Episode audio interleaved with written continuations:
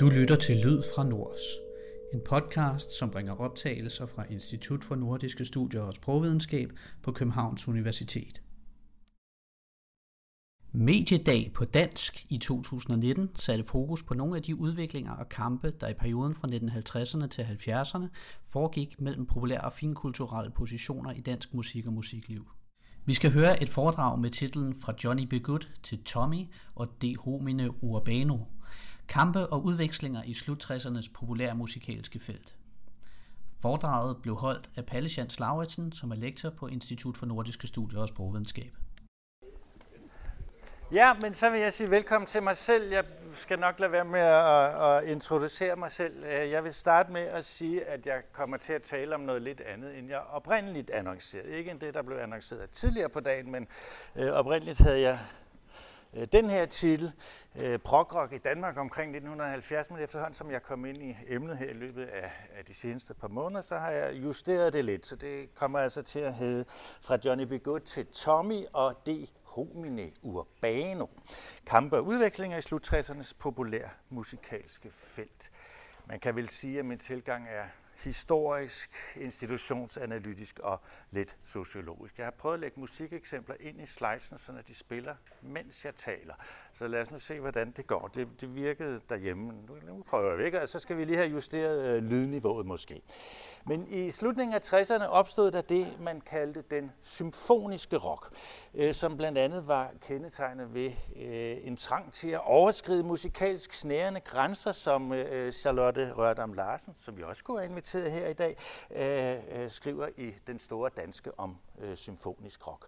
Hun skriver, at den er i sin intention grænseoverskridende, inddrager elementer fra den seriøse klassiske musik, fordi den vil forbedre og legitimere rockmusikken, overskride det forudsigelige, eller som hun skriver til sidst, overskride musikalsk snærende grænser. Så så nogen måtte man jo altså øh, have ment, at der var i forvejen. Dem, der spillede den symfoniske rock, var oftest, fortsætter hun, konservatorieuddannede, øh, Øh, eller kom fra andre musikalske miljøer som jazzens, og var altså ikke øh, selvlærte, som de tidlige rockmusikere tit var. Øh, de har ikke gået til spil eller noget som helst. De fandt nogle instrumenter, nogle gange byggede de dem selv, og så så de, hvordan det gik. Øh, den symfoniske rock øh, var ofte meget præget af keyboard. Typisk øh, var der noget hammerdorgel indover med nogle, nogle Leslie-højtalere, der drejede rundt. Der kunne komme synthesizer på efterhånden. Og så komponerede man altså, øh, eller arrangerede noget, en ny slags musik i forhold til, at det var rockmusik, nemlig svitter eller opera. Vi skal også støde på rock balletmusik senere. Musikken var mere til at lytte til, end den var til at danse til, og måske heller ikke så meget til at synge med på. Og dens foretrukne medie, skriver hun også, var LP-pladen, og altså ikke singlepladen med det enkelte nummer, et på hver side, men altså en LP-plade, der kunne vel vare en 40 minutters tid, og når det gik højt, så lavede man dobbelt LP-plader, så man havde to gange 40 minutter til at udfolde længere forløb på, eller til at fortælle historier på.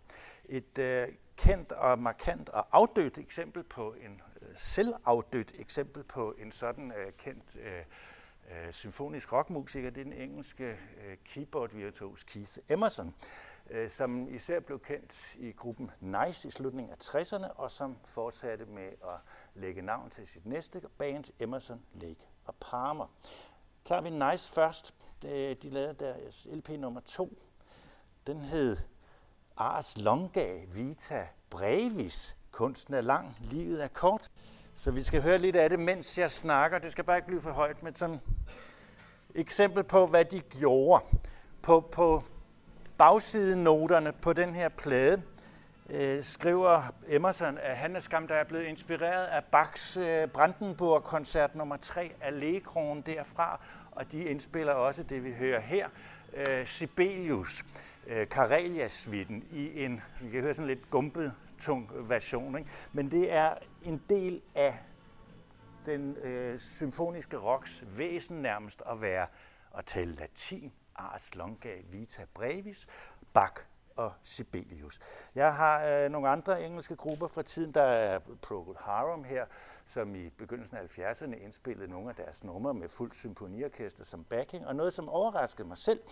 Øh, Deep Purple, som jo måske nok mest er kendt som et heavy rock band, et af de tidligste, Øh, Øh, noget af det første, de lavede i 1969, var, at de indspillede Concerto for Group and Orchestra i Royal Albert Hall med det lokale symfoniorkester, som ikke som backing, men de vekslede spillede med hinanden. Så nogle gange er der sådan noget hård guitarrock, og så kommer symfoniorkestret ind over. Øh, det var en ambition om at flytte rockmusikken, beatmusikken, som det måske nok hed på det tidspunkt, et nyt sted hen, blandt andet ind i Royal Albert Hall, som jeg vender tilbage til om lidt. Øhm, de der udvekslinger mellem rock og klassisk øh, kunne ske på mange måder. Jeg har prøvet at liste lidt op. Øh, det kunne være musikalsk, altså tonesproget fra den klassiske kompositionsmusik kunne rykkes ind i rockmusikken, ligesom tonesprog fra jazzen, dens instrumenter, dens improvisationer kunne det. Øh, det kunne være rockede versioner af klassiske numre. Vi hørte lidt dumt det her før. Øh, det kunne være at bruge øh, klassiske instrumenter. Vi hørte Eleanor Rigby Beatles spille i, i strygkvartet før, som den originale backing, eller det kunne være det her med at have et helt klassisk orkester i, i baggrunden. Det kunne også være formatmæssigt, at man altså bevæger sig væk fra den klassiske popsangs øh, tre minutter med vers og omkvæd og sådan noget, og, og finder på nye og andre øh, musikalske strukturer. Det kunne være genremæssigt, man begynder at skrive balletsvitter og rockoperaer i stedet for øh, tre minutters hits. Og det kunne gælde institutionelt, at man altså prøvede at flytte musikken nogle andre steder hen, flytte rockmusikken nogle andre steder hen. I Danmark øh, til det kongelige teater, og selvfølgelig til Danmarks Radio herunder øh, fjernsynet der i slutningen af 60'erne.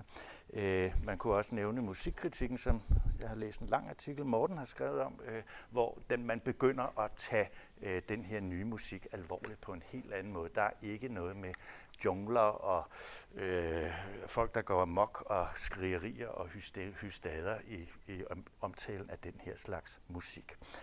I 1969 skrev øh, Hans Jørgen Nielsen, kritiker og litterat, som I måske kender fra litteraturhistorien, øh, i information, at langhåret øh, langhårede og veluddannede middelklasse unge havde hugget beatmusikken fra de bredere ungdomsgrupper. Og flere steder støder man på en udtalelse af Erik Clausen, filmmanden og multikunstneren kan man vel kalde ham, om at studenterne stjal rockmusikken fra arbejderklasseungdommen.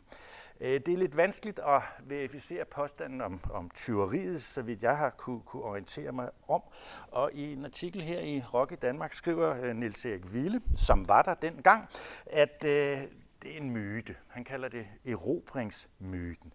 Det han snarere ser er, at der der i slutningen af 60'erne i Danmark skete det, at nye toner udefra mødte en ny generation af musikere og sangskrivere og et nyt publikum, som var opflasket med de kulturradikales pædagogiske arv. Det er altså hans take på det der er nok alligevel noget om, men jeg tror ikke, vi skal tale om tyveri, men altså, at i slut 50'ernes tidlige danske rockkultur var det arbejderklasseungdom. Det siger de i hvert fald ind på Arbejdermuseet der siger de ungarbejdere, lærlinge og bybude. Det var sådan dem, der dyrkede den tidlige rockmusik, mens uh, dem, der dyrkede sådan noget som den symfoniske øh, rock, da den kom frem, måske snarere var øh, de fremadstormende mellemlags øh, gymnasie- og studenterungdom.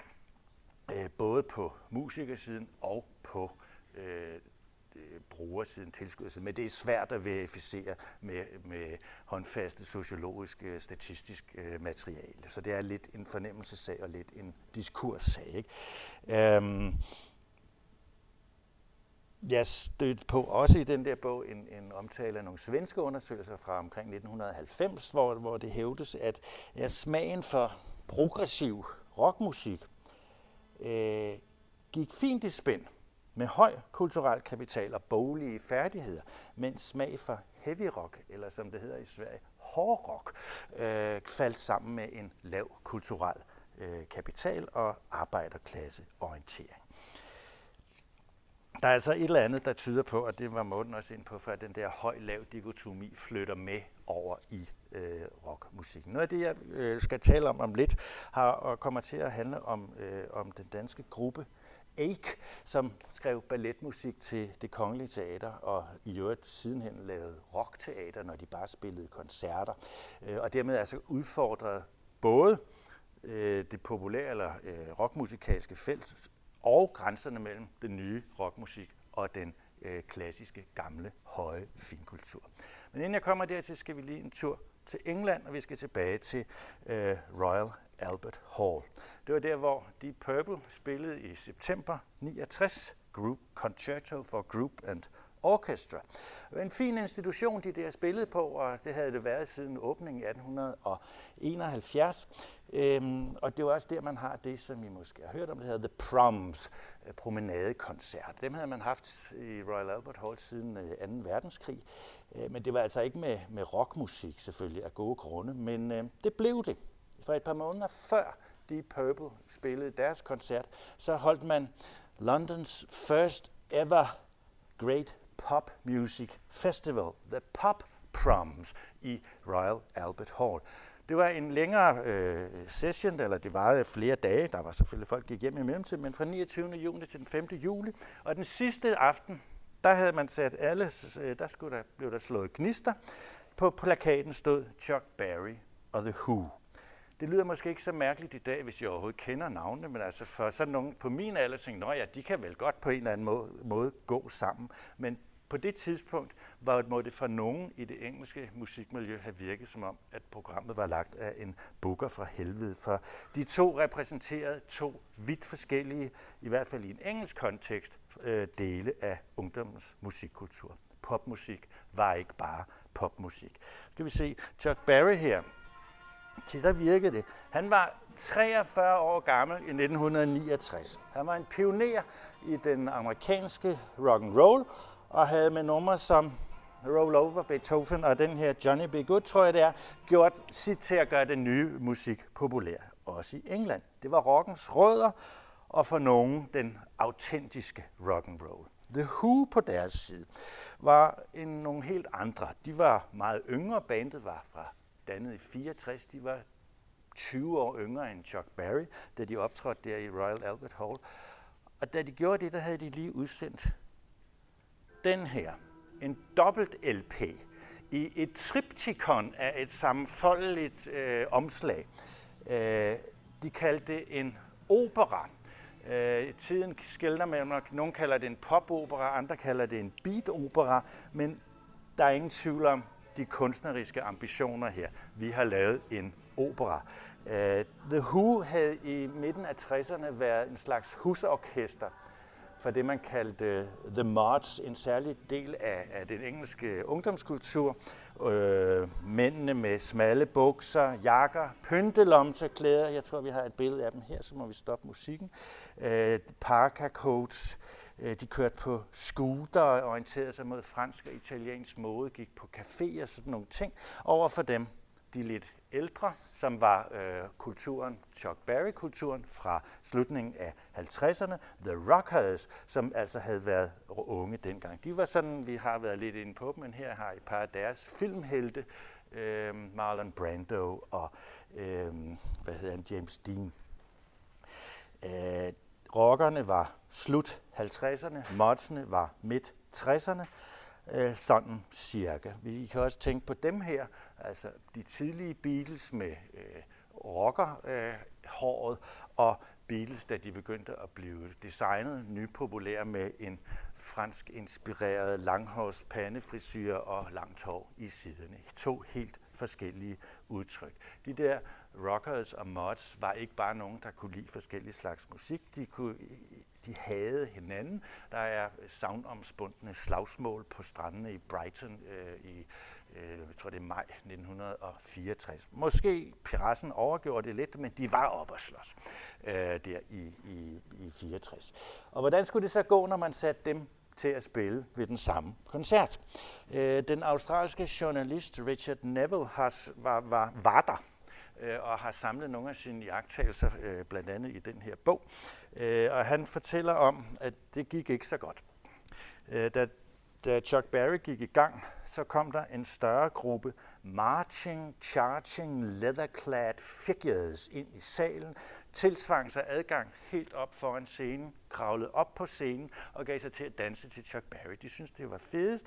Øh, det var, men Neville synes jo, at de var måske relics from another generation, øh, som var kommet for at høre The Man Whom They Had Listened and Grooved To for the past 15 years. Det kunne så være, hvad det være ville, men da The Who gik på scenen, så forsøgte rockerne at få dem til at holde op med at spille. De generede deres øh, performance, de smed øldåser efter dem, kastede mønter i hovedet på dem, og Pete Townsend, gitarristen fra The Who, måtte sige, we dig Chuck Berry too. Vi synes også, han er fed. Ikke? Øh, hvorfor han nu sagde det, om han synes det, eller om det var bare for sådan at få lidt øh, ro på gemytterne, det melder historien ikke noget om. Men der var klart forskellige opfattelser af, hvad det var, altså hvad der var godt og hvad der var skidt. Vi skal tilbage til The Who, for det er dem, der fører over i det med, med, med den symfoniske rock øh, på sin vis. De lavede jo en opera.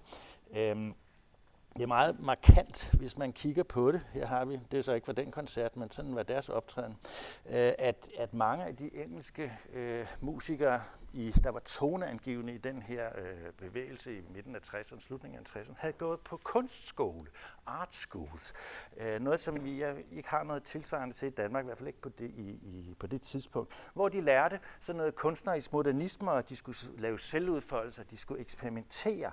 Og I kan se, at jeg har lavet en liste der. Den sidste, jeg har skrevet på, det er Pete Townsend fra The Who, deres øh, centrale figur. Han havde gået på noget, der hedder Ealing Art College, og der havde han blandt andet, det fortæller han i hvert fald gerne tit selv, når man læser interviews med, mødt en tysk modernistisk kunstner, der hed Gustav Metzger.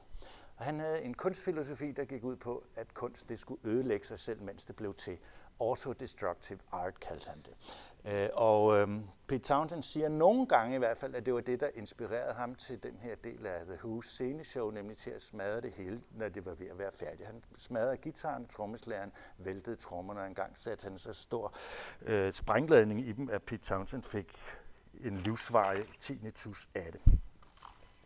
Øhm, nå, men altså, øh, Townsend opfattede det, de lavede som en slags performance, pop art performance.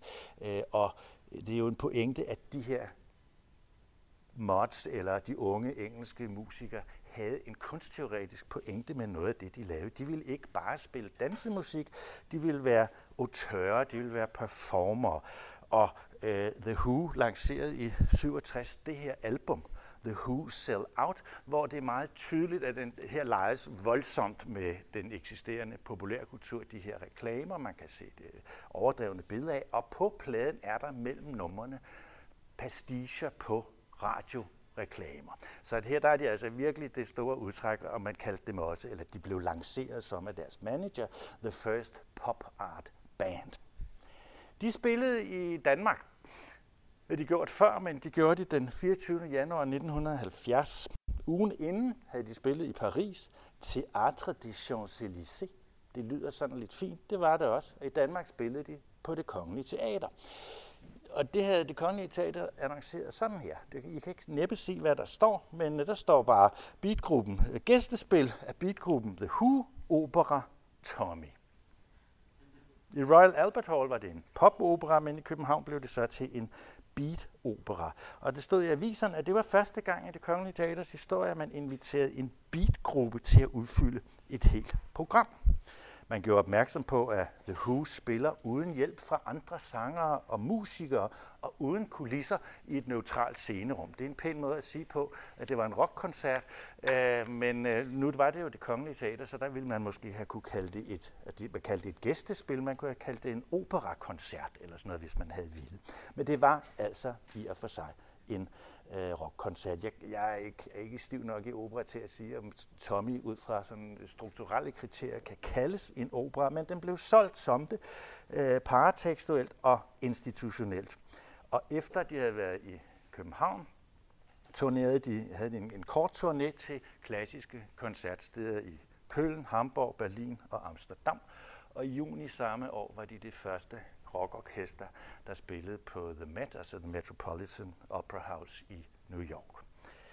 Hvis vi vender lidt tilbage til, til eller bliver ved, ved Tommy og det kongelige teater, så var det rigtigt, når aviserne sagde, at det var første gang, at man lod en beatgruppe udfylde et helt program der på stedet. Men det var ikke første gang, man inviterede en beatgruppe af dens musik indenfor.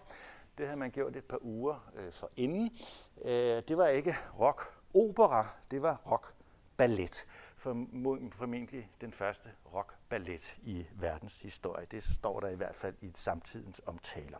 Det var den danske gruppe Ake her, øh, her fotograferet i reklamematerialet foran det kongelige teater, øh, som havde skrevet musik til en øh, ballet af Peter Schaufus. Balletten hed Homo. Det betyder bare menneske, og øhm, ikke de var der ikke, de var der på bånd, så det var ikke en koncert med dem. Det var deres musik, der bare blev spillet til ikke bestod af fire meget unge øh, musikere. Den yngste var 15-16 år på det her tidspunkt. Øh, I forhold til, hvor de kom fra, sociologien her, øh, skal man nok notere sig, af organisten, han, havde, han gik på musikkonservatoriet på det her tidspunkt, og der var ikke meget arbejderklasse 50'er ungdom over øh, brødrene Finn og Torsten Olafsson, de var lægesønner, øh, boede i en kæmpestor villa et eller andet sted herude på, på Amager, hvor de kunne øve sig og lave øh, improvisationer hen over familiens øh, klaver in the enormous house of their parents, som der står et sted. Øh, og der kunne de så øh, sidde og øve sig. De havde selvfølgelig lært at spille klaver, da de var børn. Øh, storebroren gik på øh, musiklinjen over på Christianshavns Gymnasium, og lillebroren, øh, som altså kun var 15 på det her tidspunkt, var ved at tage øh, realeksamen. Når gruppen overhovedet hed, som de gjorde, ikke, det betyder selvfølgelig smerte, der er heller ikke meget pop og, og lykke og glæde over det, så er det også fordi, at en af deres første kompositioner var dannet over tonerækken A, C, H, E. A, C, H, E. Og de indspillede simpelthen et nummer, der hed Acheron, eller Acheron, Øh, og hvorfor gør det så det? Ja, dels jo deres eget navn, og dels fordi de, kan jo, de var jo klassisk dannet, ikke sandt? Acheron er en af floderne, der fører øh, ned i underverdenen i den græske mytologi. Og hvad var det så, pladen hed? De homine urbano, om bymenneske, jævnfør Ars longa vita brevis. Der er nogle øh, honette øh, øh, ambitioner her. Øh, det var øh, den kongelige balletdanser Peter Schaufus, der fik dem til at skrive det her balletmusik. Måske lidt højt bliver det. Og øh, I kan finde en, en fantastisk udsendelse i, øh, på, på LARM, .fn, hvor han fortæller om det her, øh, det, hvis I får lyst til det. Øh, den første ballet blev opført på det kongelige teater, som nævnt. Så skrev, havde de lavet en til, den kom så ikke på det kongelige, men på det nye teater, men stadigvæk der i begyndelsen af øh, 1970. Og så var der koreograferet lysshow til. Det var også en måde, hvorpå øh, Ake som band øh, forsøgte at trække sig væk fra popmusikken og lægge sig op af en, hvad skal vi sige, at musik var noget, man skulle opleve. Det var ikke noget, man skulle krops, kropsligt bevæge sig til. Det blev alt sammen omtalt i danske aviser. Øh, meget, meget pænt. Der var heller ikke noget med næremusik eller urskov eller sådan noget. Det blev rigtig, rigtig pænt øh, omtalt. Øh, I Aktuelt kunne man for eksempel læse, at Steffen Larsen synes, at nogle af passagerne på deres øh, LP kunne være af Verdi eller Stravinsky. Det kan jeg altså ikke høre, men øh, ikke desto mindre, han hæver det op øh, derop. Han synes måske også, det er lidt for meget, men han synes, det er godt, at de giver en døende kunstart som balletten en håndsrækning. Øh, man kunne øh, Ja. Øh, Berlingses anmelder var overstrømmende begejstret. I Sjællands øh, Tidene kunne man skrev de om verdensklasse, og øh, de talte om Akes flirt med øh, finkulturen i, øh, i En flørt, det, det er sådan, måske ikke helt så pænt, men det kunne man læse om øh, i, i Jyllandsposten. Så var det rigtig mange steder, der stod noget om, at det her, det er eksport. Dansk musik er verdens bedste. Vi kan sælge det til udlandet. Og det var et meget vigtigt parameter i, i omtalen af meget af det danske musik, der, der blev lavet på det her tidspunkt. Hvis vi ser lidt på, uden at lytte for meget til musik, men hvad kaldte de numrene? Jeg kan se en setliste, eller hvad, er det, hvad numrene hedder det også til højre. Så starter den selvfølgelig, fordi det er jo klassisk musik. Det starter med en overture, slutter med en finale. Så er der en række temaer, som knytter sig til øh, forskellige af, af historiens øh, øh, hvad hedder det, øh, karakterer. Så er der en pas de deux og en pas de trois, en dans for to, en dans for tre, klassiske ting fra øh, ballettens øh, repertoire. Det var 19 minutter. Det er altså ikke et lille nummer, der kan være på en singleplade. Det er den store, vi er ude i det store, lange format her. Og det var noget, som karakteriserede mange andre af tidens bands, uanset om man så skal kalde det symfonisk rock, eller som man måske vil kalde det her prog-rock, progressiv rock, at de ekspanderede formatet til at gå fra 3 minutters hitsinglen til de lange øh, svitter. Så altså, jeg ville også gerne have spillet noget med et andet dansk band, som er fuldstændig overset. Det står ikke i, øh, i rockleksikane. Det hed Iron Duke. De kom fra Skive og havde, altså var nogle af de første danskere, der havde sådan en kæmpe stor synthesizer. Øh, og på deres første plade, der har det et nummer, der hedder Rocking Edward. Og det er altså Edvard Grieg, så de har, har hele Per gynt eller den var i hvert fald et kvarter, Øh, så der er den her udsat for rockband med hammernål og synthesizer. Igen et forsøg på at legitimere rockmusikken måske ved at trække på en klassisk musiktradition. Så altså for at runde af, øh, Chuck Berry og Johnny B. Good var guitar, bas og trommer, der fængede, og det er en grov generalisering, ikke? ungarbejdere, lærlinge og bybude der i øh, 50'erne. The Who iklædte Tommy operans fortællende gevanter og opførte den som operakoncert på en række europæiske og øh, amerikanske operascener, selvom hverken musikken eller fremførelsen af den i og for sig havde meget med opera at gøre. Men de kom fra den her mod- og art school øh, generation og appellerede til andre end dem, som forsøgte at smide med scenen i Royal Albert Hall. Aches musik blev komponeret til og spillet på det kongelige teater og det nye teater, altså relativt fine, især den ene, øh, institutioner inden for den klassiske øh, finkultur. Øhm, og musikken brød nok de institutionelle rammer og havde klassisk form med ouverture og pas de deux og pas de trois finaler og sådan noget, men så var den jo heller ikke mere klassisk i sit udtryk end som så. Det var den unge musik, som gik ind på de gamle institutioner og brugte nogle af dens øh, udtryk, så at sige. Så vi har altså at gøre med en tid, hvor og jeg det er jo tre eksempler, jeg har ikke, så det, øh, I skal ikke tro, at det var sådan, det hele var, for det var det langt fra, men det er en case på, at hvordan forhandler man sådan nogle ting her i en, øh, en dansk og engelsk øh, kontekst. Så det var, hvad jeg vil sige. Mm.